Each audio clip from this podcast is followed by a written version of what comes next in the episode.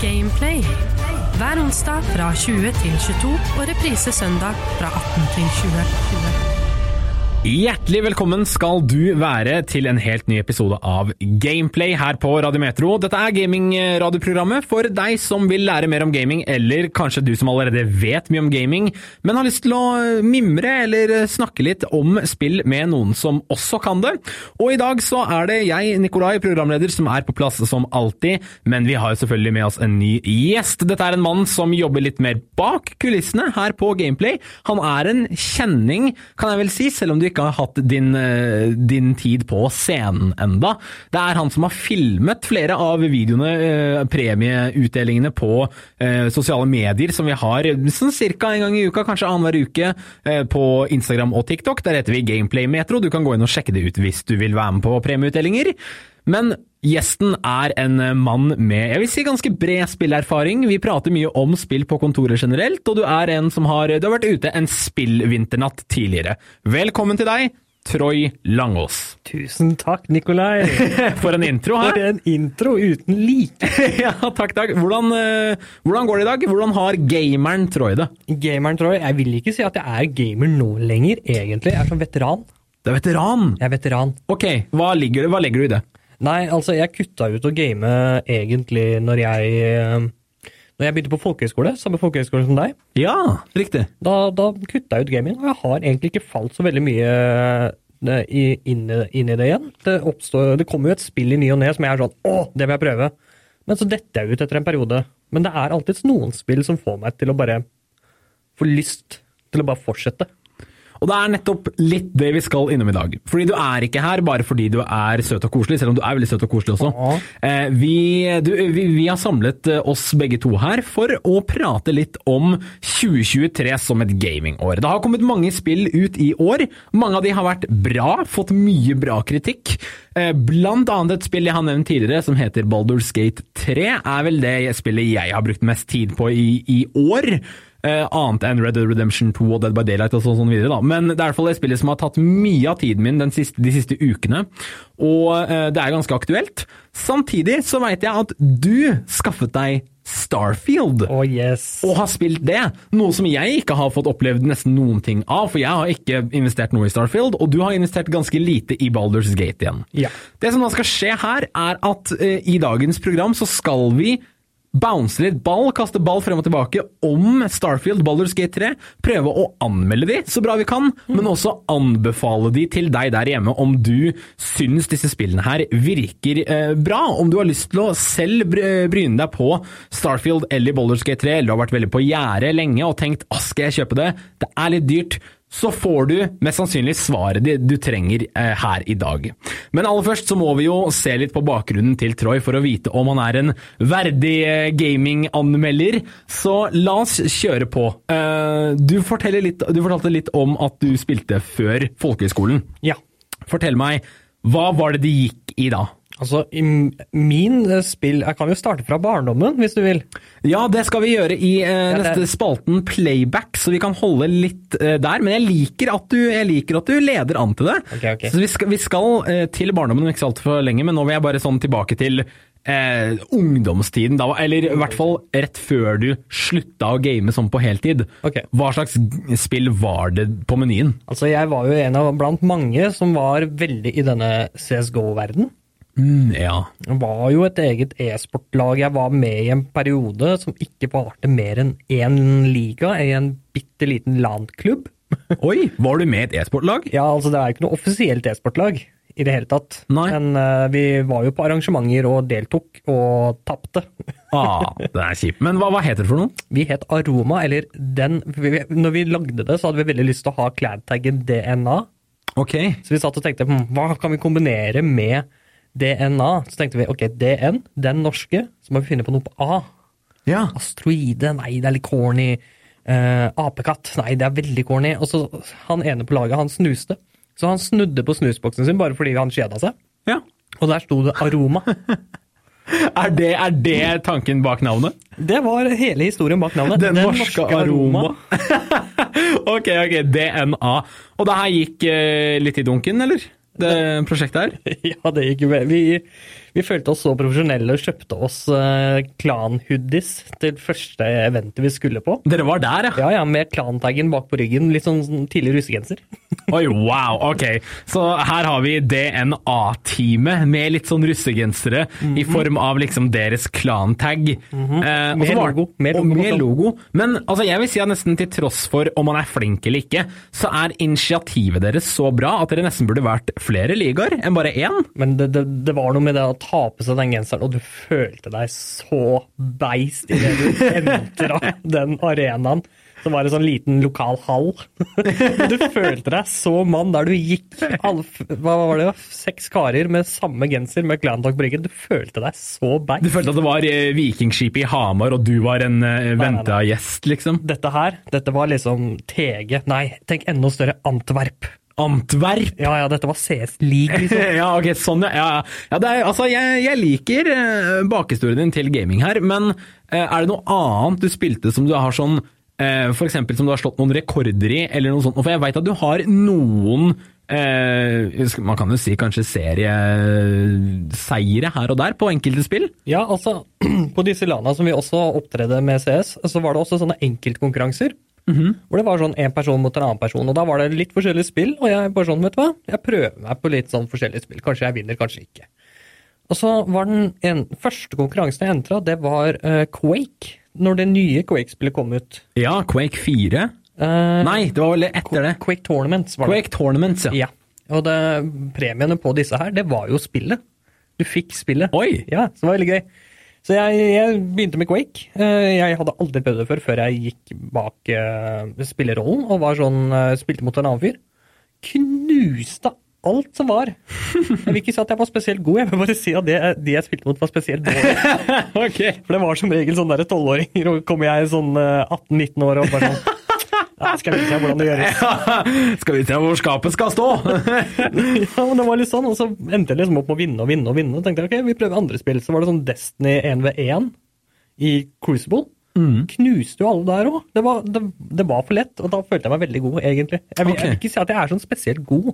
Men Ikke snakk deg selv ned nå, kanskje du hadde noe spesielt ved det? Men jeg husker også når Destiny 2 kom ut. Mm så var det leaderboard i Crucible, som da er den PVP-versjonen, eller PVP-delen av, uh, av, Destiny 2. Ja. Heter Crucible. Ja, ok. Der var jeg på topp 50 i verden i en uke.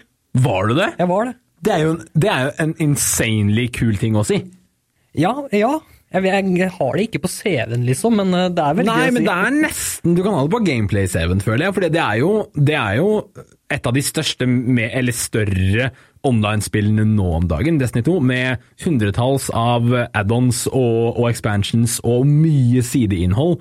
Så det å være, være uh, topp 50 en gang i tiden der, føler jeg står ganske bra den dag i dag. Og da kan du være en av de liksom OG-veteranene. Altså Det skal jo sies at det var, liksom, det var første uka Lider hvor det kom ut, så folk hadde liksom ikke rekke å sette seg veldig mye inn i det. Men, Nei, det, okay. ja. men, men fortsatt, det, var, det, er fortsatt gøy. Ja, fortsatt syns jeg det er, en, det, er en liten god snikskryt der. Mm. Vi kan ta en titt på barndommen din. I aller første spalte Playback, hvor vi, tar, hvor vi går i nostalgiens gater. Vi ser hva var det aller første spillet som grep deg, Troy, inn i spillverdenen eller eh, eventuelt eh, det spillet som satte mest inntrykk på deg. Ukas playback. Da er vi i dagens aller første spalte, Playback, her på Gameplay, hvor jeg og dagens gjest Troy Langås eh, Vil du jeg skal si mannen som har vært på topp 50 i Destiny 2 fra nå av? Nei, absolutt ikke. Nei, det er i hvert fall, Han er en uh, Gameplay-kollega med meg. Han er uh, en jeg ser uh, hver dag, nærmest, og en som har en finger med i det jeg driver med, men også en finger med i spillverdenen.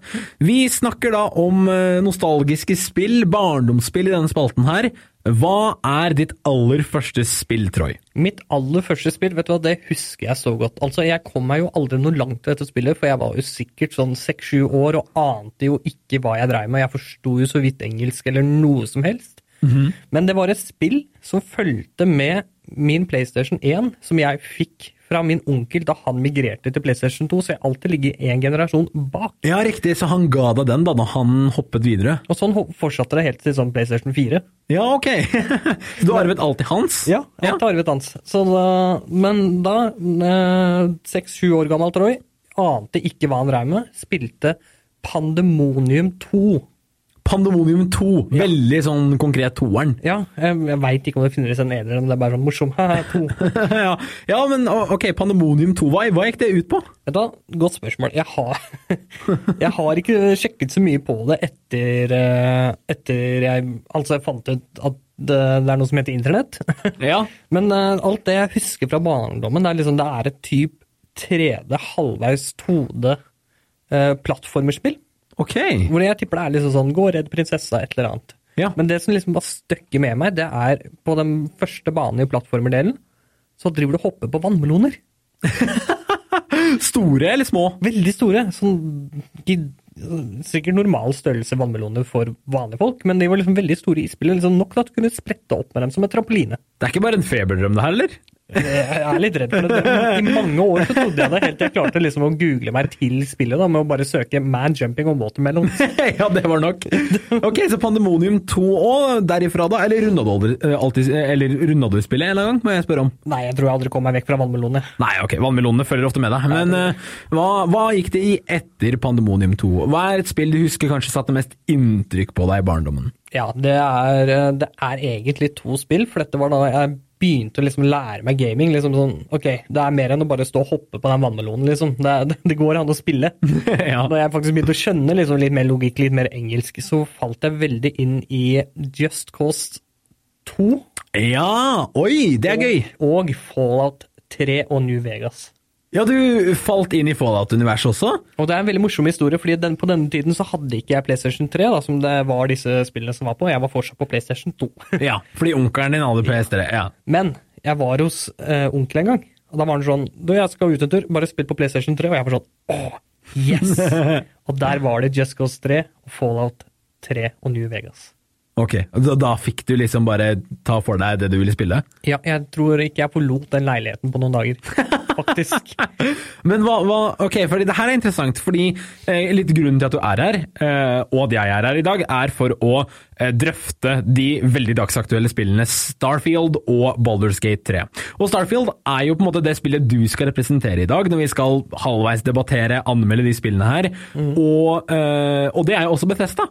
Så var det der kanskje, gjennom Fallout 3 og New Vegas, hvor Bethesda eh, kjærligheten din begynte å blomstre, da? Jeg vil faktisk tørre å si det, ja. For jeg har aldri jeg, Ikke drep meg nå, men jeg har aldri spilt Skyrim. Nå dreper jeg deg.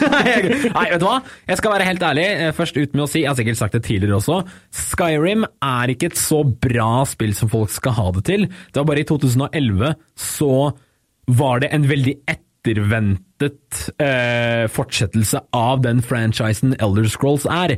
Eh, Litt på samme måte, du, du kan dra parallellen med Star Wars The Force Awakens, den syvende filmen som kom ut. Det var utrolig bra marked rundt den, og folk elsket det. Men det er ikke en bra film. Fordi filmen er egentlig litt dårlig, men den hypen rundt Star Wars er så høy at det, det var umulig å mislykkes da, med den filmen. Eh, litt det samme hadde Skyrim. Den derre Det var en så stor bølge av fans som ventet på en, en oppfølger til Oblivion, som var Elder Scrolls eh, 4. Så da Skyrim kom ut, så var alle på ballen med en gang. Og da gjør det ikke noe om spillet er dårlig, så lenge du får en million salg første dagen, ikke sant? Selvfølgelig. Eh, så, så det er på en måte der grunnmuren til mye av Skyrim sin suksess ligger, føler jeg, da. Eh, så for å gi deg et langt svar på noe som kunne vært veldig kort Jeg forstår at du ikke har spilt Skyrim. Men ok, så Fallout. Hva, hva var inntrykket ditt der? Der, der sleit jeg veldig i starten, for jeg var fortsatt veldig ny til gaming. Så jeg, jeg sleit liksom veldig med å liksom forstå spillet. Jeg kom meg liksom Uh, aldri noe lenger på noe vis. Liksom Jeg ga opp, for det var sånn Ok, nå må jeg gå et stykke. Og nei, jeg ble drept fordi jeg har på meg feil uniform. Og det var sånn Jeg forsto det ikke, men så kom jeg tilbake noen år etterpå. Og da var jeg veldig sånn Ok, dette her var faktisk kjemperått. Og så har jeg hørt at det kommer en til. En til? Ja, det, for det var rett før eh, Det er fireren. Ja, Fallout 4. Ja. Ja, Fallout 76. Ja. Ja, Fallout 4 og så Fallout 76. Ja. Dette var rett før eh, Fallout 4 kom ut, og da satt jeg liksom og veksla mellom New Vegas og treeren. Og så var jeg sånn åh, jeg hører at fireren kommer. Kanskje det, kanskje det blir bra? Så jeg forhåndsbestiller det. Første spillet jeg forhåndsbestiller, også første spillet jeg får på min første gaming-PC. Ah, da kommer vi inn i PC-alderen. Yes. For en fin tidslinje. Det funket veldig bra. Uh, hvordan var den opplevelsen? Med, med ny gaming-PC, Fallout 4, første pre-order av spill noen gang? Vet du hva, uh, det er kjempekleint å si, men uh, den dagen Fallout 4 kom, så fikk jeg besøk av fetteren min, som også er en sånn liten del av barndomsgaminga mi, fordi vi to satt liksom, han så på meg spille Just Cause 3 og kose seg, og jeg koste meg. Ja. Han kom på besøk på, til meg for første gang på veldig lenge. Eh, han satt og spilte GTA på min PlayStation 3, og jeg satt og spilte Fallout eh, 4 når det kom ut. Vi forlot ikke det rommet på nesten en uke. Seriøst? Jeg, jeg følte meg skikkelig skitten etterpå, det tror jeg han gjorde òg, men det var sånn vi, vi var greit med det. Jeg satt i hjørnet med min PC og spilte Fallout 4. Han koste seg med GTA. Det var sånn en gang iblant. Ja, hvordan går det der borte? Nei, det går bra. Hva med deg? Jo, det går bra. Er det mat snart? Ja, vi spiste for fem minutter siden. Oh, ja. ja, men ok. og så var det sånn repeat, repeat hver dag. Men det beskriver så inderlig den gaming-LAN-atmosfæren der. Noen LAN er jo veldig organiserte, men noen LAN, noen LAN får du bare på gutterommet. Og da blir det deg, kompiser, innestengt luft, eh, snacks opp til hoftene, liksom. Og så går du ut av det rommet fire dager etterpå. Akkurat det, det er helt riktig, og akkurat det der, det husker jeg så godt. For i etterkant så var jeg sånn herregud, han har vært der en uke, og jeg har så vidt prata 100 ord med gutten. Nå er det egen fetter, liksom. Ja, jeg husker, jeg husker det der, jeg òg. Jeg har et ganske spesifikt minne fra at eh, Minecraft var et bra spill å lane med hverandre. Selv, eh, selv før det fikk den LAN-funksjonen, men når det fikk LAN-funksjonen, ble det enda bedre.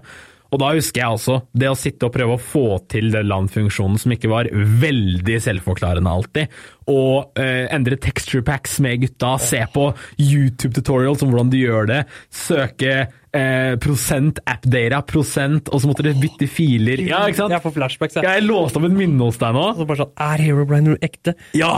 Og Herobrine-myten. For deg som ikke vet hva Herobrine er, å, det her er en, jeg er så glad for at du åpnet den døren, Troy. Å nei. Alle kjenner til Minecraft. Du kjenner mest sannsynlig til Minecraft. Du har sikkert mest sannsynlig også spilt Minecraft, eller sett noen spille det på et eller annet tidspunkt. Herobrine var en god gammeldags creepypasta, altså kjent som et eh, rykte Det er basically det man kan kalle et eh, skolegårdrykte, hvor en unge sier en ting, og så går det videre og videre, og videre, og etter hvert så blir det en så skummel og sann historie, men det er fortsatt bare, bare fake. Herobrine var en Minecraft-creepypasta som omhandlet en figur som så helt lik ut som den figuren du spiller som i Minecraft, men med helt lysende øyne. Og da var det selvfølgelig alle ryktene som følger etter deg, med at hvis du møter på han, så kommer han til å korrupte PC-en din, eller at, eller at et eller annet skjer i virkeligheten. Selvfølgelig aldri, noen har aldri det har aldri skjedd at han faktisk har dukket opp, for det er jo ikke en, en, en ting. Men jeg hørte et rykte om at Notch, skaperen av Minecraft, la til en eh, kode i, i, i en av de nye sånn patchene når han skulle oppdatere spillet, hvor han skrev Herobrine removed. Det er helt riktig. Ja, det er helt riktig, ja, fordi du kjenner til en god del av det her. Jeg vil tørre å kalle meg selv for en uh, internettlegende og myte- og creepypasta-ekspert. Jeg bruker altfor mye tid til å sitte og researche gamle myter og legender fra barndommen. Det er gøy, da. Det er kjempegøy. Men eh, ja, så han, han skrev dette for å bare liksom lure folk til Eller bare for å være med på vitsen, da. Han blei med på vitsen. Han ble med på vitsen, og det, er, det står det respekt av. Det er veldig gøy. Ja. Er det, ja, du er glad i eh, videospill-creepypasta òg, eller? Veldig. Har du noen på tampen som du digger? Ben Drown er en av mine favoritter. Ben Drown, Vil du ta oss litt gjennom eh, Ja, for det er jo en Zelda, eller The Legend of Zelda Ocarina of Time. Majora's Mask? Majora's Mask var det. Hva enn den Mm. Uh, hvor det handler om en ung fyr som får sin uh, spillkonsoll. Jeg husker ikke hvilken spillkonsoll den er på. Er det? 64. Det er 64-en, ja. Ja. ja han, får, uh, han kjøper vel en N64, og da fulgte det med uh, Majora's Mask. På et loppemarked, tror jeg. Eller garasjesalg. garasjesalg. Ja. Det var sånn skikkelig shady. Og så eh, viser det seg at det er en eller annen eh, spillfil eh, lagret på, eh, på liksom spillet. At det er noen som har spilt før, da, og der ligger det allerede en fil. Og der heter fila bare Ben, så han sletter den for å starte på nytt.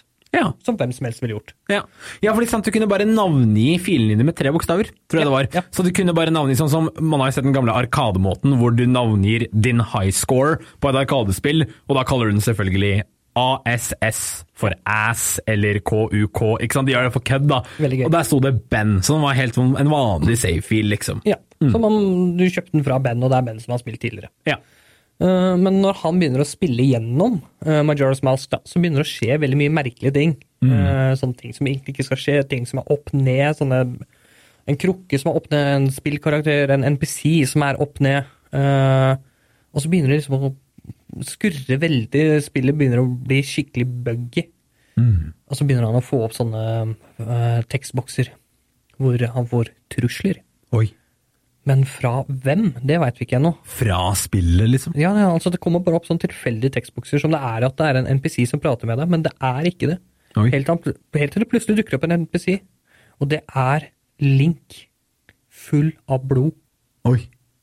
Figuren du spiller som, full av blod, møter Møter deg. deg. Ja. Mm.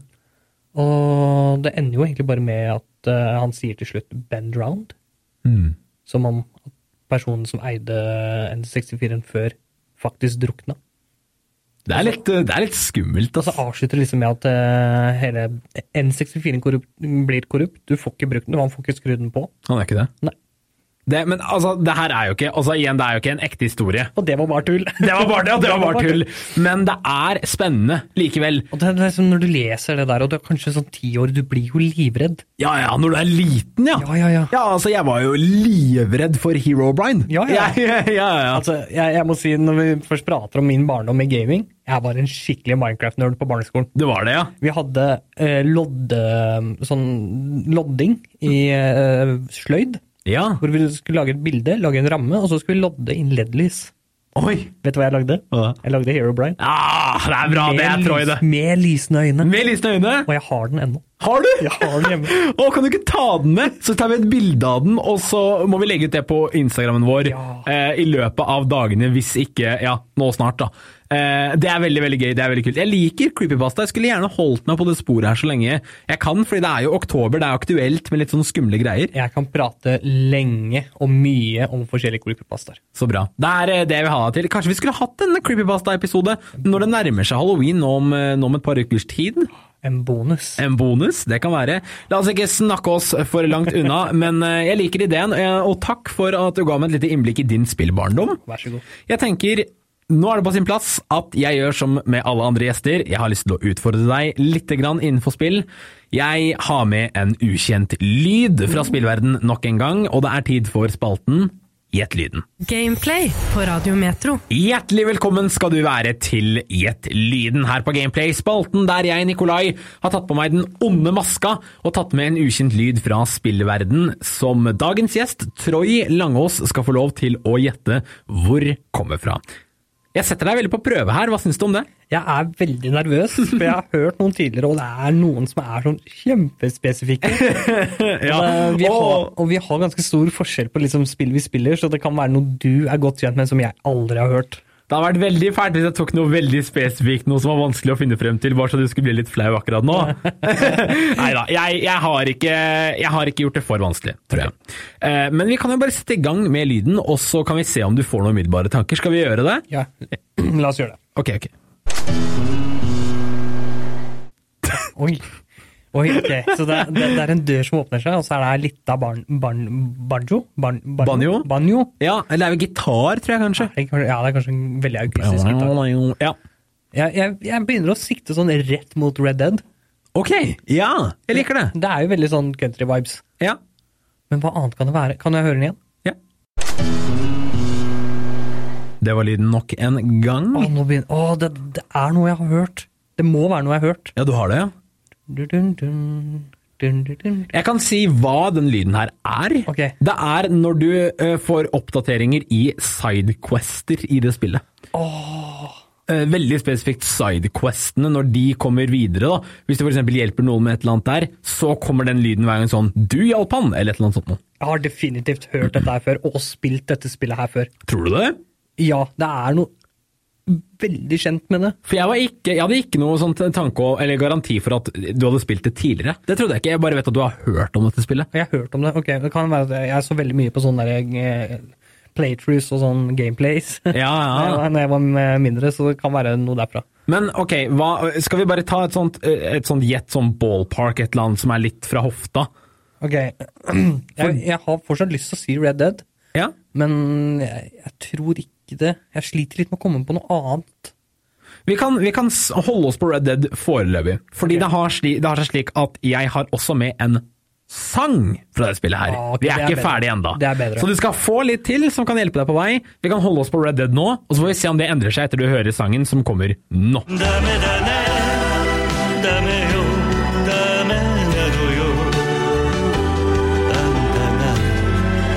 Dame,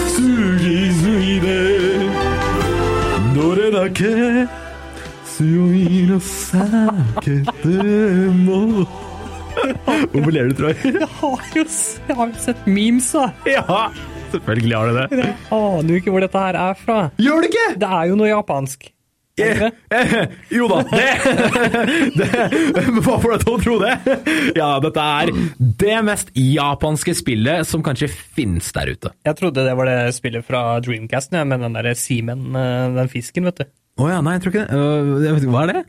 Har du ikke hørt om det? Nei. Simen? Å, vet du hva, det skal vi prate om senere. Ok, ok, det er fra den senere. Men øh, ja, det her er i hvert fall ett av de mest japanske spillene du finner der ute. Ja, Fordi jeg tenker på en gang med den memen med han med det hodet, vet du. Ja. Ja. Det her er jo en, en musikk som har blitt brukt til eh, memes eh, mye, hvor folk har deepfaka ansikter, photoshoppa ansikter til eh, andre mennesker, eh, som f.eks. store folk rundt i verden, si eh, Bruce Springsteen, da. Og så har de lagt på sangen så det ser ut som at Bruce Springsteen synger den.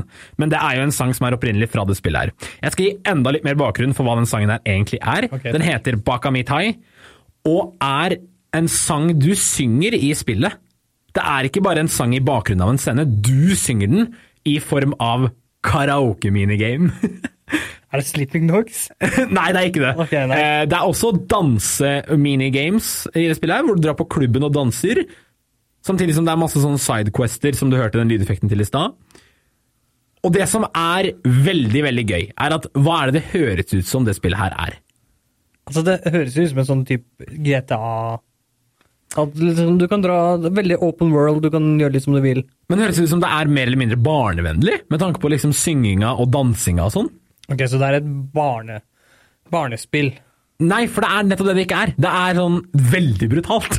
Men det har disse veldig rare elementene til seg. Så samtidig som det er brutalt, så går du på karaoke og synger etterpå, liksom. Så det er et ganske rart spill. Ok, vet du hva, Jeg har faktisk ingen anelse lenger. Du har ikke en anelse? Nei. Hva om jeg sier du spiller som den japanske mafiaen? Åh, det er det derre der, ja. Yakuza. Yes! Ja! Det der er eh, Det du hørte der, var Kiryu eh, Hva er det han heter? Kiryu Kasumi, tror jeg, eller Kasuma, fra eh, Yakuza Zero, som synger Bakamitai på karaoke. Og lyden er da eh, den derre lyden du hører etter du gjør ferdig Substories. Ah, du, er du kjent med Yakuza-serien? jeg er veldig, veldig lite kjent med Yakuza-serien. Du er det, ja? Dessverre. Jeg tror jeg aldri har sett på noe gameplay eller noe sånt. Nei, ok, det er en, lang, det er en ganske lang serie. Uh, Zero er en prequel, en forgjenger til eneren som ble laget i senere tid. Så det er på en måte med litt moderne uh, grafikk, moderne mekanikker, samtidig som den ivaretar den gamle storylinen. Så jeg har hørt at eh, Zero er uh, det beste av dem. Det er også det eneste jeg har spilt litt av. Og så er det da en ener, en to, tre, fire, fem, seks og en syv. Og der starter de på en ny hovedperson, vet du. Okay. Det er det som heter Like a Dragon. Ah, okay. Og så skal det komme en Yakuza 8, og så er det to spin-off-spill. Så det er, det er mye i denne spillserien å ta av. Men jeg måtte måttet selvfølgelig ta av Bakamitai, den mest eh, kjente. Altså, jeg har veldig lite relasjoner med liksom, eh, spill satt i uh, Asia. Du har det, ja? Det eneste er et spill jeg også har spilt gjennom 100 ganger før, og det er Sleeping Dogs. Ja, Har du det? Har du mye erfaring med det spillet? Jeg har veldig mye erfaring med Sleeping Dogs, for Ja. der kan du også gå på karaoke. og der, jeg spilte alltid samme sangen, og det var I Fought the Law. And I am the law one. Ja, Clash-sangen? ja. Ja, nydelig. Ja, nei, og det spillet det er, også, det er også en del av barndommen min. må sies. Jeg har hatt en lang barndom Du hadde en lang barndom med mye. Med, litt brutal barndom òg, med Sleeping Dogs. med Sleeping Dogs. Ja. Ja. Jeg lærte veldig mye. Det var jo litt sånn som en sånn asiatisk GTA, egentlig. Ja. Litt sånn sånn mafiaspillet var òg. Det var en sånn Det var en mafia Geta. Ja, ja, men Yakuza også er sånn, bare at det er enda litt mer Jeg vil si at det er litt mer goofy igjen. Eh, Yakuza tar seg Samtidig som det tar seg seriøst, så virker det som det også tar seg litt uhøytidelig. Eh, sånn de sidequestene er det rareste noen gang. Sånn, De handler bare om tull og fanteri. Sånn, det er for eksempel en som handler om en kjempestor mann som heter Mr. Shakedown, tror jeg. Som det han gjør, er å gå rundt og banke folk og ta pengene deres. Og han er en sånn boss som vandrer rundt i gatene i Tokyo. Og når du, når du tar han er, Han er dritvanskelig å ta, men hvis du tar han, da er du ferdig med den sidequesten, liksom. Han går rundt med Fedora, kjempehøy. Ja, det høres ut som et spill jeg faktisk må prøve. Du, du hadde likt Yakuza, spesielt deg, og du der hjemme som er hypp på noe GTA-lignende spill om den japanske mafiaen, med en god story, samtidig som det tar seg selv veldig lite seriøst og er eh, en goofy reise fullt av eh, eh, broderlig eh, mafia-karaoke og dansing. Dansinga altså er dritkul, og, og uh, musikken i uh, danseklubben også, veldig, veldig bra. Samme anbefalingen går vel egentlig for Sleeping Dogs også, hvis du vil ha litt mindre goof og litt mer martial arts. Sleeping Dogs. Ja, det er bra, det er bra. Uh, Når er Sleeping Dogs fra, sånn cirka?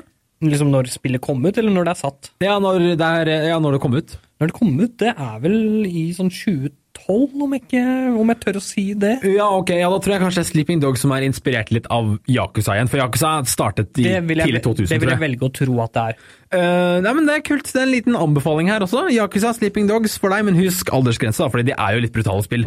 Så eh, husk å eh, følge aldersgrensen. Men med det sagt tenker jeg vi baner oss vei inn over mot selve kjøtten av dagens episode, som er uh, denne, denne debatten vi skal holde, på en måte. Jeg vil ikke kalle det en debatt heller, men du og jeg skal snakke, formidle og anmelde spillene Starfield og Baldur's Gate 3. Vi skal forsvare. Vi skal forsvare de to mest dagsaktuelle spillene akkurat nå, vil jeg tørre å påstå.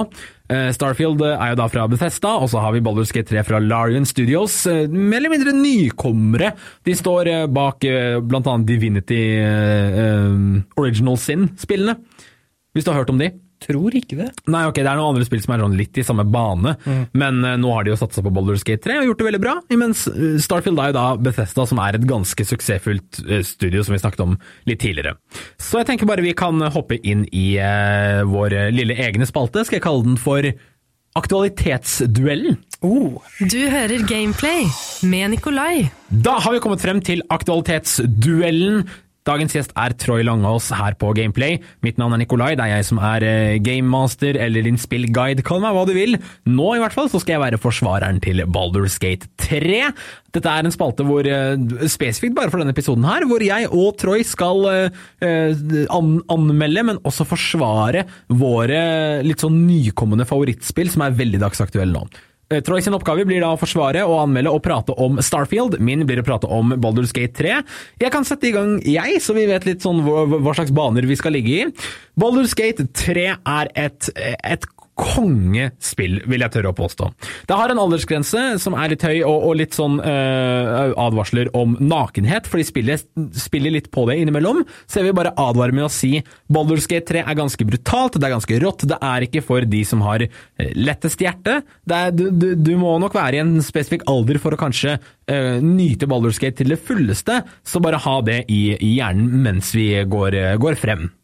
Det er et spill som bygger på en eldre serie, faktisk laget av BioWare, eh, som da har produsert, eller eh, utviklet eh, Baldur's Gate 1 og 2, og så er det i tillegg en, en god del sidespill til denne serien. Baldur's Gate, derimot, selve navnet og verdenen spillene, spillene bruker, er fra et gammelt Dungeons and Dragons-verden. Laget av Ed Greenwood, en Dungeons and Dragons-fan fra da han var liten, hvor han lagde en, en verden eh, som han kalte for Forgotten Realms, også kalt uh, Faerun, som er masse, masse land og kulturer og en helt egen liksom, klima og en verden og guder og hele pakka. Utrolig, utrolig bra utviklet. Og denne verden har han da fortsatt å bygge på, og flere spill har senere i etterkant tatt opp den verden her og brukt det til sin historie. Blant annet Baldur's 3 da, finner, finner plass i den verden. Uh, har du hørt om spillet Neverwinter Nights? Nei. Det er et gammelt gammelt spill, en av de tidligere MMO-ene, lurer jeg på. Det også er et sted nord i Forgotten Realms. De også tar bruk samme verden, da. Eh, ja, så det er veldig, veldig kult, så alle de spillene her spiller litt om hverandre. Jeg lurer på om Demogorgon også er fra uh, Forgotten Realms. Selve Demogorgon-skapningen fra Stranger Things. At det er det eh, brettet de spiller på i Stranger Things også, i serien. Um, men tilbake til Baldur's Gate. Så Baldur's Gate 3 er da et spill som tar i bruk dette med uh, at det er Dungeons and Dragons uh, en Dungeons and Dragons campaign du spiller igjennom, hvor du lager din egen figur, setter ut på en reise, og jeg kan uh, spoile litt av hva starten går ut på for deg som ikke vet noen ting, sånn for å prøve å selge deg litt inn på det. Det starter med at du blir, blir bortført i denne verden i et stort romvesenskip av noen som kaller seg for The Ithelid, eller Mind Flayers. De er som sånne tentakelmonstre med blekkspruthoder. Det er, de- jo, det er det jo også i Stranger Things. Det er det også i Stranger Things. Ja, Jeg sant? tror det bekrefter det du sa, ja. Ja, takk, takk. Jeg tenkte, tenkte den backupen. Eh, og de klarer å eh, sprøyte en liten larve i hjernen din. Eh, Det gjør de med flere mennesker. Denne larven her vil eh, etter hvert gjøre deg til en mindflayer, men så krasjer skipet. Og du klarer å rømme. Og der starter spillet. Du står da helt eh, alene ovenfor en stor verden med en larve i hjernen, og du vet ikke hva du skal gjøre. Da er det bare å sette ut på reisen din, og det Baldur's Gate 3 gir deg da, er den utrolige eh, fine egenskapen av å kunne velge litt hvilken vei du skal gå, og gi deg masse forskjellige muligheter til hvordan du har lyst til å gå frem i den verden her. Hvordan vil du løse situasjoner? Vil du være snill og prøve å forhandle deg frem til ting på best mulig kriterier, eller vil du være, være slem og angripe de første du ser med en gang bare for å vise hvem som er kongen her i byen. Eh, Du kan spille det akkurat som du vil. Selvfølgelig kommer folk til å ha negativ mening om deg om du spiller det på negativt vis, men det er bare å betale for sine egne konsekvenser. Fightingen er eh, turbasert, så du eh, venter eh, rett og slett på din egen tur, noe som ikke er for enhver smak. Jeg tror ikke du er noe glad i det, Troy? Nei, jeg har alltid prøvd å like XCOM, for det, det har alltid virka så tøft å si at jeg, spiller XCOM. Men den turn-based attack-greia har aldri slått an med meg. Det er for slow for meg. Jeg liker ting litt mer fast-based. Slow-paced, ikke helt min greie. Det skjønner jeg veldig godt. Og du må ha en veldig spesifikk tålmodighet og, og, og gaminghjerne for å gjøre det. Du, du må klare å, å være tålmodig gjennom ting som kanskje kan være litt langstrakte, da. Eh, men turn-based kan gjøres utrolig bra og kreativt om det gjøres riktig, som annet Persona 5 har klart, og Baldur's Gate 3. Baldur's Gate 3 er da, da turn-based, og gjør sånn at du er nødt til å vente på din tur, og at fiendene får ta ett og ett angrep, og så gjør du ditt, eh, ditt angrep med dine folk. Og eh, det her er blitt gjort på veldig veldig kule måter, hvor det er et, et stort antall av hjelpe, hjelpemidler du kan bruke på liksom kroppen, f.eks. en hjelm som lar deg kaste som, som lar deg eh, slå en runde til hvis en fiende står til venstre for deg. Litt sånne ting. Så du kan klare å kombinere deg til mange angrep på din runde, og også da klare å gjøre det taktisk og strategisk veldig bra. Det er uendelig med muligheter for å løse konflikter i det spillet her. Til sist vil jeg også bringe frem denne Dungeons and Dragons-terningen, the D20, som har eh, 20 tall på seg. Den er også med i det spillet her, hvor hvis du prøver å forhandle deg frem til et eller annet, eller prøver å være vennlig mot en person, eller prøver å eh, intimidate en person ved å være liksom virke stor og, og skummel så de ikke skal angripe deg, så må du rulle den terningen her, og få eh, et antall over over tallet du får, og hvis du klarer det, så klarer du det. Hvis du ikke gjør det, så må du betale konsekvensene for å prøve det òg. Så det er rett og slett en utrolig perfeksjonert eh, overføring av Dungeons and Dragons campaign fra 80-tallet over til dagens moderne teknologi. Jeg syns det er eh, et utrolig gøy spill, og utførelsen av denne ideen bak en DND-campaign gjort eh, teknologisk er så utrolig morsom, og jeg koser meg så mye med det. Samtidig er det ulemper ved det. Eh, Kan du tenke deg til hva de ulempene er, Troy? Altså, jeg har jo prøvd det, og de ulempene jeg møtte på, er at det var plutselig veldig mye å sette seg inn i på liksom På starten vanligvis så får du liksom det inn med teskje, men her får du liksom bare alt kasta i fanget, og så samtidig som at det er turn-based, og at det er, liksom, det er litt slow hvis du ikke er vant med turn-based. Nå, nå, nå kjøpte jeg spillet uten noen som helst for undersøkelse av hva spillet er. Jeg bare kjøpte det fordi ok, jeg så at du kunne sparket et ekorn, og det er alle som sitter og spiller det nå. Alle sitter og spiller Boulders G3 nå, og den videoen med det ekornet gikk jo viral på TikTok. Jeg også gjorde det. jeg også sparka det ekornet. Stakkar. Det var, liksom, det var nok til å få meg til å kjøpe spillet, og så kom jeg inn og så er sånn Oi, ok. Jeg er ikke så veldig glad i sånn uh, eh, ikke WASD-bevegelser.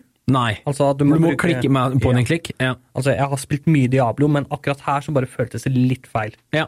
Uh, og så når jeg fant ut at det var liksom turn-based, og at det er, liksom, det er litt slow og ditt og datt Jeg hadde, hadde sikkert likt det mer om jeg satte meg litt mer inn i det, men akkurat der og da så var, var ikke det helt noe for meg. Nei, jeg, jeg skjønner det veldig godt. Ulempen ved spillet er noe av det du prater om, føler jeg, med at spillet har litt for mye innhold.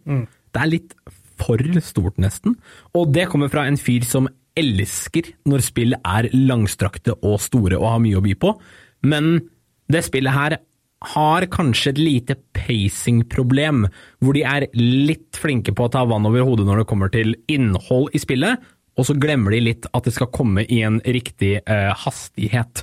Så du kommer inn til en by, da, og så finner du ut at i den byen her så er det 15 quester jeg kan gjøre. Men jeg har også veldig lyst til å se hva som skjer i hovedstoryen. Og så har jeg jo et liv utenfor det spillet her. Det betyr jeg kommer ikke til å få se hva som skjer i storyen før neste uke, fordi de 15 andre questene kommer til å ta tiden min før det.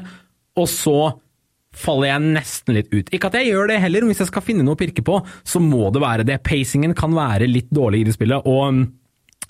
Og med så mange mulige konsekvenser og outcomes av hendelser som det spillet her eh, åpner opp for deg, så fører det også til litt bugs og clash i systemet når det kommer til eh, enkelte, eh, enkelte konsekvenser. Da. Sånn som for eksempel at eh, ikke få med deg en dialog, men så har allerede de andre NPC-ene i spillet fått med seg dialogen, så de begynner bare å prate om noe du ikke aner hva skjer, fordi du fikk ikke med deg den cutscenen du måtte ha. Eh, og det var én gang Jeg er snart ferdig her, jeg vet jeg har brukt mye tid. Det er én gang jeg merket det spesielt mye, hvor jeg hadde tatt en ganske vanskelig boss, og så skjedde det ingenting. Jeg tok bossen, jeg luta bossen, jeg var sånn ok, men det står fortsatt at jeg har noe å gjøre på questen. Hva er det for noe? Så jeg går rundt, prøver å finne ut hva det er, bruker kanskje to timer på å finne ut av hva problemet er. Så søker jeg det opp, og det som viser seg er at etter den bossfighten skal det komme en cutscene som tar deg videre til neste sted. Den hadde bare ikke kommet på meg. Og jeg har ingen måte å vite det på heller. Fordi at spillet forteller meg ikke at nå kommer det en cutscene. Det er sånn du kaller for en game-breaking bug. Ja, det er Det var Det sekundet der husker jeg sa 'dette irriterer meg', Så, sånn til meg selv. Eh, og da måtte jeg reloade, waste to timer av livet mitt for å ta den bossen på nytt igjen, som var ganske vanskelig, for å se den cutscenen og så komme meg videre. Men med det sagt, det er fortsatt et utrolig bra konsept, og jeg hedrer det for alt det er verdt. Jeg vil nok gi det et terningkast uh, terningkast 6 for det det bidrar i gaming, fantasy, DND-sjangeren. Altså, Jeg er ganske sikker på at det er veldig mye Game of the Year-potensial i det spillet her. Ja, Veldig mye. i Boulderskate 3. I Boulderskate 3, ja. Jeg kan egentlig ikke se for meg veldig mye andre spill som kanskje når eh, toppen. Nei, jeg tror ikke det heller, altså. Fordi at det har så mange sjangre det dypper foten inni, da. Eh, og det er veldig smart strategi for Game of the Year-prisutdelinger også. Definitivt. Ok, men vi sier oss ferdig med Baldur's Gate 3. Det er min eh, helhetlige anmeldelse. Jeg er fortsatt ikke ferdig med spillet. jeg har 120 timer på det. Eh, men eh, det er absolutt et mesterverk av et spill. Prøv det ut selv. Jeg anbefaler det på det sterkeste. Husk aldersgrensen. Husk at du er nødt til å være litt tålmodig når du skal bryne deg ut på det, men absolutt verdt reisen. Nå, Troy, scenen er din. Selg meg Bethesda sin nye IP Starfield. Ok, her, har jeg veldig mye å si, men samtidig veldig lite. Ok. Det, du kommer til å skjønne hvorfor etter hvert. Ja. Men jeg gjør liksom det, jeg forteller liksom om spillet i starten, og så forteller jeg litt om min opplevelse. Og det er uh, Starfield, det er jo uh, kort fortalt fallout i verdensrommet. Ja. Uh, så jeg vil definere det som liksom eh, Fallout uh, hadde et barn med No Man's Sky. ja. ja, riktig. For det er veldig sånn det føles. Ja. Eh, Hele spillet starter jo med at du er en miner. Altså du driver og graver etter mineraler eh, i fjell og i bakken på en planet i et solsystem. Helt til du uh, For det er vel din første dag på jobb allerede som miner. Ja. Eh, og så får du beskjed om at eh, de har fått opp noe på radaren om at det er noe inni, inni fjellet der. Eh, kan, det, kan dere gå og sjekke det ut?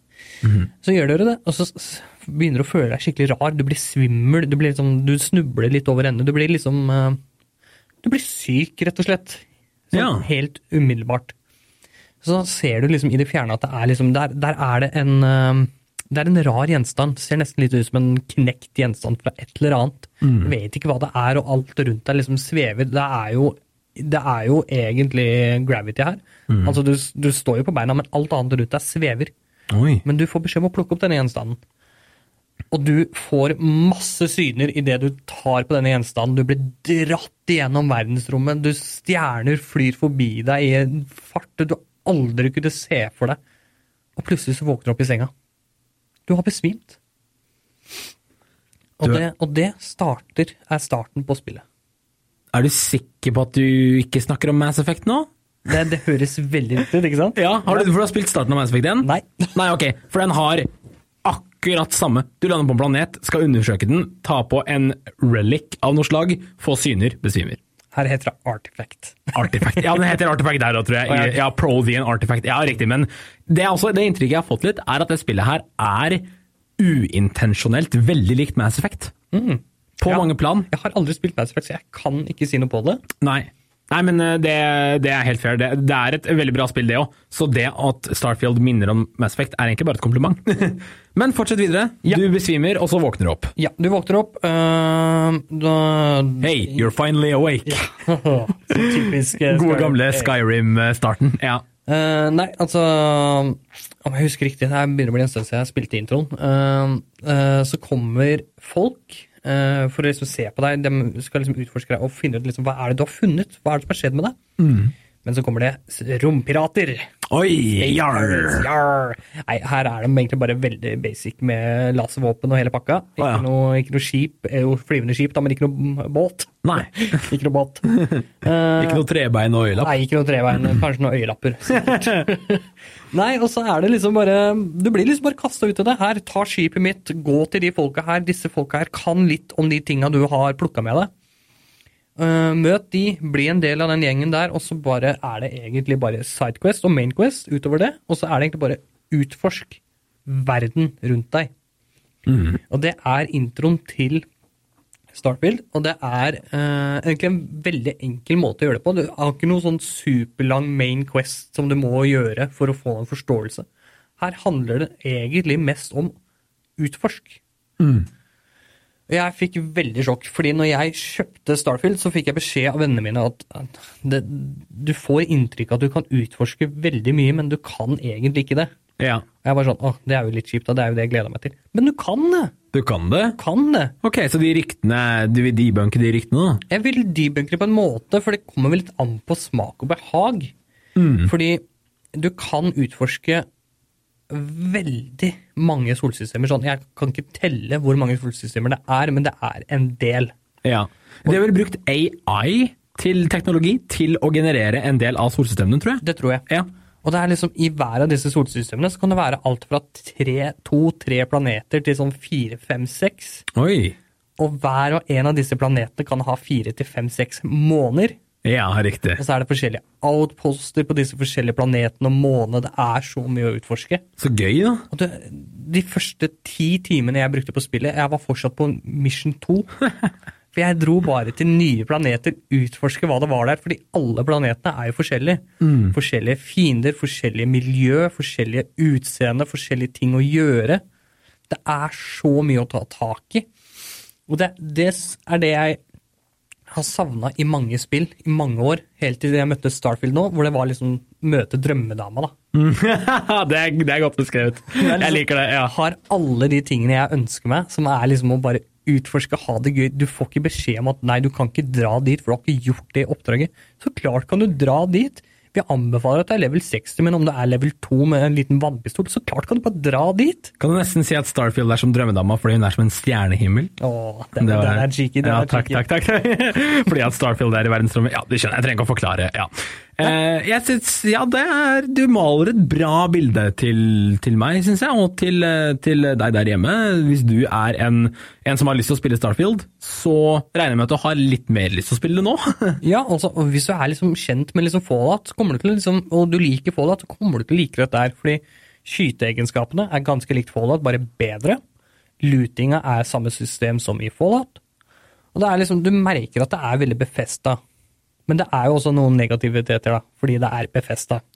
Ja. Vil du ta oss gjennom de òg, eller? Med glede. Ja. Du, eh, du som sant mange sikkert kjenner til, har befesta alltid noen faste bugs. ja.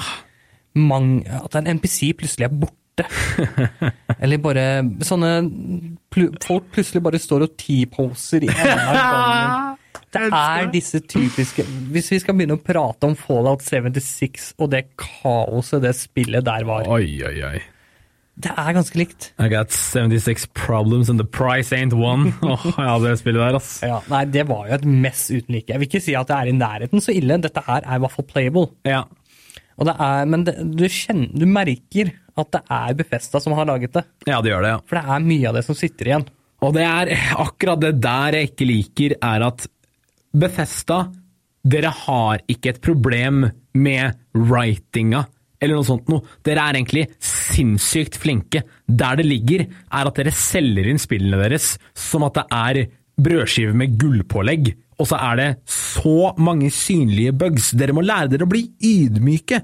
Todd Howard, redaktør eller director på, på Bethesda og for spillene der, du kan ikke komme ut på en scene og si 'Ser du det fjellet? Du kan klatre det.' Eller 'Ser du den eh, planeten? Du kan eh, dra til den.' Han, han sier det hele tiden. Og så kan du som oftest ikke gjøre det! Eller at det, det fjellet var dritkjedelig å klatre på, da. Eller at den planeten var ingenting interessant på. Det var bare en ørken, liksom. Det var en ørken, ikke sant? Ta deg, hva er det du sier for noe? Sånn, ser du den døra der? Ja, du kan gå ut den og dra hjem. Nei, men eh, jeg, jeg, jeg går hardt ut mot Todd Howard her nå, men han har blitt en ganske kjent eh, skikkelse i spillverden. Han er jo en meme. Han er jo et meme, eh, og med god grunn. For han er en som lover mye han ikke kan holde. Og han er en litt sånn der, eh, den hele spillindustriens tøysekopp, liksom. Han er en lurefant. Det er den beste måten å beskrive Todd Howard på. Ja. eh, men uh, har du noe mer du har lyst til å dele om, om Starfield? Et eller annet mer på hjertet? Altså, uh, Starfield eh, eh, To, eh, to eh, fine minutter om Starfield, sånn kjapt. Det er et spill hvor du kan velge å gjøre det ferdig på fem timer, eller om du kan gjøre det ferdig aldri. For det er uendelig med ting å gjøre. Ikke bare det med at du kan reise på forskjellige planeter, men du kan også bygge outposter på forskjellige planeter. Ja. Bygge liksom et hus, eh, en base, eh, romstasjon. Du kan gjøre så mye. Du kan kjøpe skip, du kan bygge dine egne skip. Det er kult. Du kan gjøre hva enn du vil. Jeg har sett folk bygge Millennium Falcon fra Star Wars i eh, Starfield. Eller så kan du bare bygge en lang eh, tårn av et skip. Du kan gjøre hva du vil. Det er så mye customization i det spillet når det kommer til liksom skip og bygging. Og det er liksom Ok, greit, du liker kanskje ikke skytedelen av spillet. Nei, gå og utforsk planeter. Du kan til og med dra til det solsystemet vi sitter i nå. Ja. Altså i med, Hva er det det heter? Det heter Sol. Solsystemet? Ja, det heter Sol. Jeg tror, jeg tror det heter Solsystemet Ja. fordi at det heter Sol, ikke pga. sola. Ja. Ja. Nei, det heter jo Sol i spillet, så det gir jo mening. Ja. Og der kan du dra, du kan dra, på, du kan dra til jorda. Jeg skal Ja. ikke spoile hva som er på jorda, men jeg anbefaler deg å dra på jorda. Men ikke kom til meg om du blir skuffa. Men du kan dra til Pluto, du kan dra til månen vår. Ja, det er kult! Det er kjempegøy. Det er veldig gøy. Det var noe av det første jeg gjorde når jeg fikk det spillet. det er, jeg liker det veldig godt, for det lar deg oppleve, oppleve eh, vårt eget solsystem, som vi ikke har kunnet dra videre i enda, men det lar oss oppleve det på en eh, veldig høyteknologisk, bra scene måte, sånn det ser veldig bra ut, og det er, det tar seg fint, og det er god grafikk og alt mulig, så du kan liksom, det er en liten sånn space travel eh, samtidig som du har litt den combaten og sånn, hvor du kan bli litt sånn en space cowboy da, mer. Eh, og det, det beundrer jeg spillet veldig for. Eh, og så lurer jeg litt på hvordan, hvordan combaten er, for den har jeg sett, hvis jeg skal ta en parallell mellom Baldur's Gate og Starfield, så er combaten veldig variabel, virker det som. Og at det er mange power-ups og skill trees du kan investere i for å få kule abilities. Er jeg, er jeg, er jeg spot on der, eller? Eh, Delvis. Uh, Abilities-treet, eller skills-treet i um, uh, Starfield, er veldig enkel.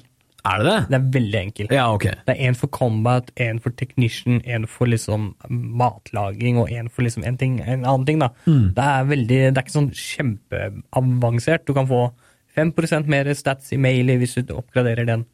Men det jeg liker egentlig med skill tree, det er at du kan ikke, bare fordi du får skill point, så kan du ikke unlocke den. Du må også gjøre en challenge Ja. før du kan bruke skill pointen din. Ok. Jeg har, jeg har mestra, mastra ut eh, det med at du kan eh, For det, det er jo et looting-spill. Eller du kan loote i spillet, og, men du kan jo bare ha med deg så og så mye. Det gir jo mening. Men uh, du kan alltids oppgradere det gjennom skills, men da må du ha, gå med Du må løpe med 70 maks vekt på deg i hva, 2,5 km, 5 km, 10 km, 25 ja, oppover. Okay. Før du kan bruke skill point til å oppgradere hvor mye du kan ha med deg. Så du må, du må få challenge, Du må gjøre challenges for å kunne oppgradere Ja, så du må liksom pushe the limit. Se for deg at du, du kan gå på anabole steroider, men du kan også trene deg til å gjøre det. Ja, ok, det er litt sånn, ja. Eh, ja. Du må liksom trene kroppen din. Kan, jeg, jeg, har en, jeg har en annen, litt mer drug-free venn- eh, drug-free analogi. Okay. Det er som å uh, gå på skole. Det er som å gå på skole. Ja. Du Og så tar du eksamen, og så har du en ability. Eller, eller at du får lappen da, ved å ta kjøretimer, og så har du, eller at du øvelseskjører, og så får du lappen, liksom. Ja. Er det litt sånn skill tree der funker? Ja. Ok. Ja, men, Men for liksom, hvis du tenker ok, jeg har lyst til å liksom oppgradere den tingen, da, må- da må jeg gå inn og se hva jeg må gjøre for å kunne unlocke det først. Ok, riktig. Istedenfor å bare gå og kaste inn skill points. Ja. ja, men det er en kul metode å gjøre det på, syns jeg. Men sånn combat så er det som regel det, Du kan ikke bruke melee-våpen. Du har melee-våpen, men det er ingen som bruker det. Nei, ok. Nei, eh, og, og der også er det litt sånn, det er litt mist potential, med tanke på at det er en del ting i spillet som folk bare ikke gidder å utforske. Men det kan hende det blir mer av etter hvert, og at det spillet her er litt mer åpent for modding og sånne type ting. Men folk har allerede begynt. Ja, jeg, jeg veit det. Eh, men det er altså en ting jeg vil dra For jeg har, sett, jeg har sett en god del av Starfield sin combat, at du kan gjøre ganske mye sånn Du kan etter hvert begynne å begynne å sånn sende fiender opp i lufta med telekinese, så du kan få liksom skyte de til en annen ting, eller gjøre de om til et dyr, eller sånne ting. da. Og dit er eh, den retningen leker også Baldur's Gate 3 i, hvor du har den larva i hodet som jeg snakka om. Og du kan jo velge om du bare vil ikke prøve å gjøre noen, noen ting med den, og prøve å kanskje fjerne den. da. Det jeg valgte, var å embrace larvens power. Og da får du et helt eget skill tree bare for mindflayer powers. Det er gøy. I tillegg til alle de vanlige levelene dine. Så du leveler opp, så får du liksom, hvis du er magiker, så får du et par spells hver gang du leveler opp, og du velger hvilke av de selv. Og så kan du få et larve, eh, larvelevel, og da kan du få en ny sånn larveskill som er ganske sjuk, da hvor det er liksom et eller annet sånn Du bare deler halve HP-en din og gir den til en ally, liksom. Sånn ganske sånn fete, litt sånn game-breaking mechanics, da. Eh, og det er noe jeg syns er kult spill, som utfordrer på at du kan ha Du har vanlige skill trees, og så har du ekstra skill trees for de som vil spille det litt mer ekstremt, liksom. Eh, hvor du kan unlocke mer sånn tabubelagte powers, da. Det syns jeg er ganske kult. Eh, med det sagt så føler jeg vi har gitt et ganske godt innblikk av både Baldur's Gate 3 og Starfield, hva tenker du? Ja. Jeg tenker liksom øh, Det er jo veldig aktuelle spill om dagen. Det er vel av, to av tre mest aktuelle spill om dagen. Det andre er jo CS2, som har blitt lansert. Det også er veldig, veldig aktuelt, og det tenker jeg også kan bli ganske aktuelt å snakke om til eh, senere anledninger, nå som det er eh, havnet på banen. Men eh, med det sagt så tenker jeg å si tusen hjertelig takk for at du tok turen innom i dag, Troy. Selvfølgelig. Hvor kan vi finne deg i den store vide verden? Eh, på, på online, liksom. Ja. Ja, nei, Instagrammen min så er det bare Troy Langås, og bortsett fra det så har jeg en haug med aliaser på Steam, så jeg aner egentlig ikke hva jeg har nå lenger. Nei, men eh, Troy Langås på Instagram, og så ønsker jeg deg bare en fin dag eh, videre. Mer eh, at du skal game mer, og at Starfield At du kommer videre i Starfield. Håper du kommer lenger i Bo- Gate også. Jo takk, det tenker jeg å gjøre nå som episoden er over for denne gang, og da vil jeg bare si tusen hjertelig takk til deg der hjemme, min kjære gamingvenn, for å eh, bli med meg og Troy på en gamingreise uten like. Vi høres igjen selvfølgelig neste onsdag med en ny episode, ny spennende gjest og nye spill å snakke om. Vi høres da! Gameplay på Radio Metro. Onsdag kveld fra 20 til 22.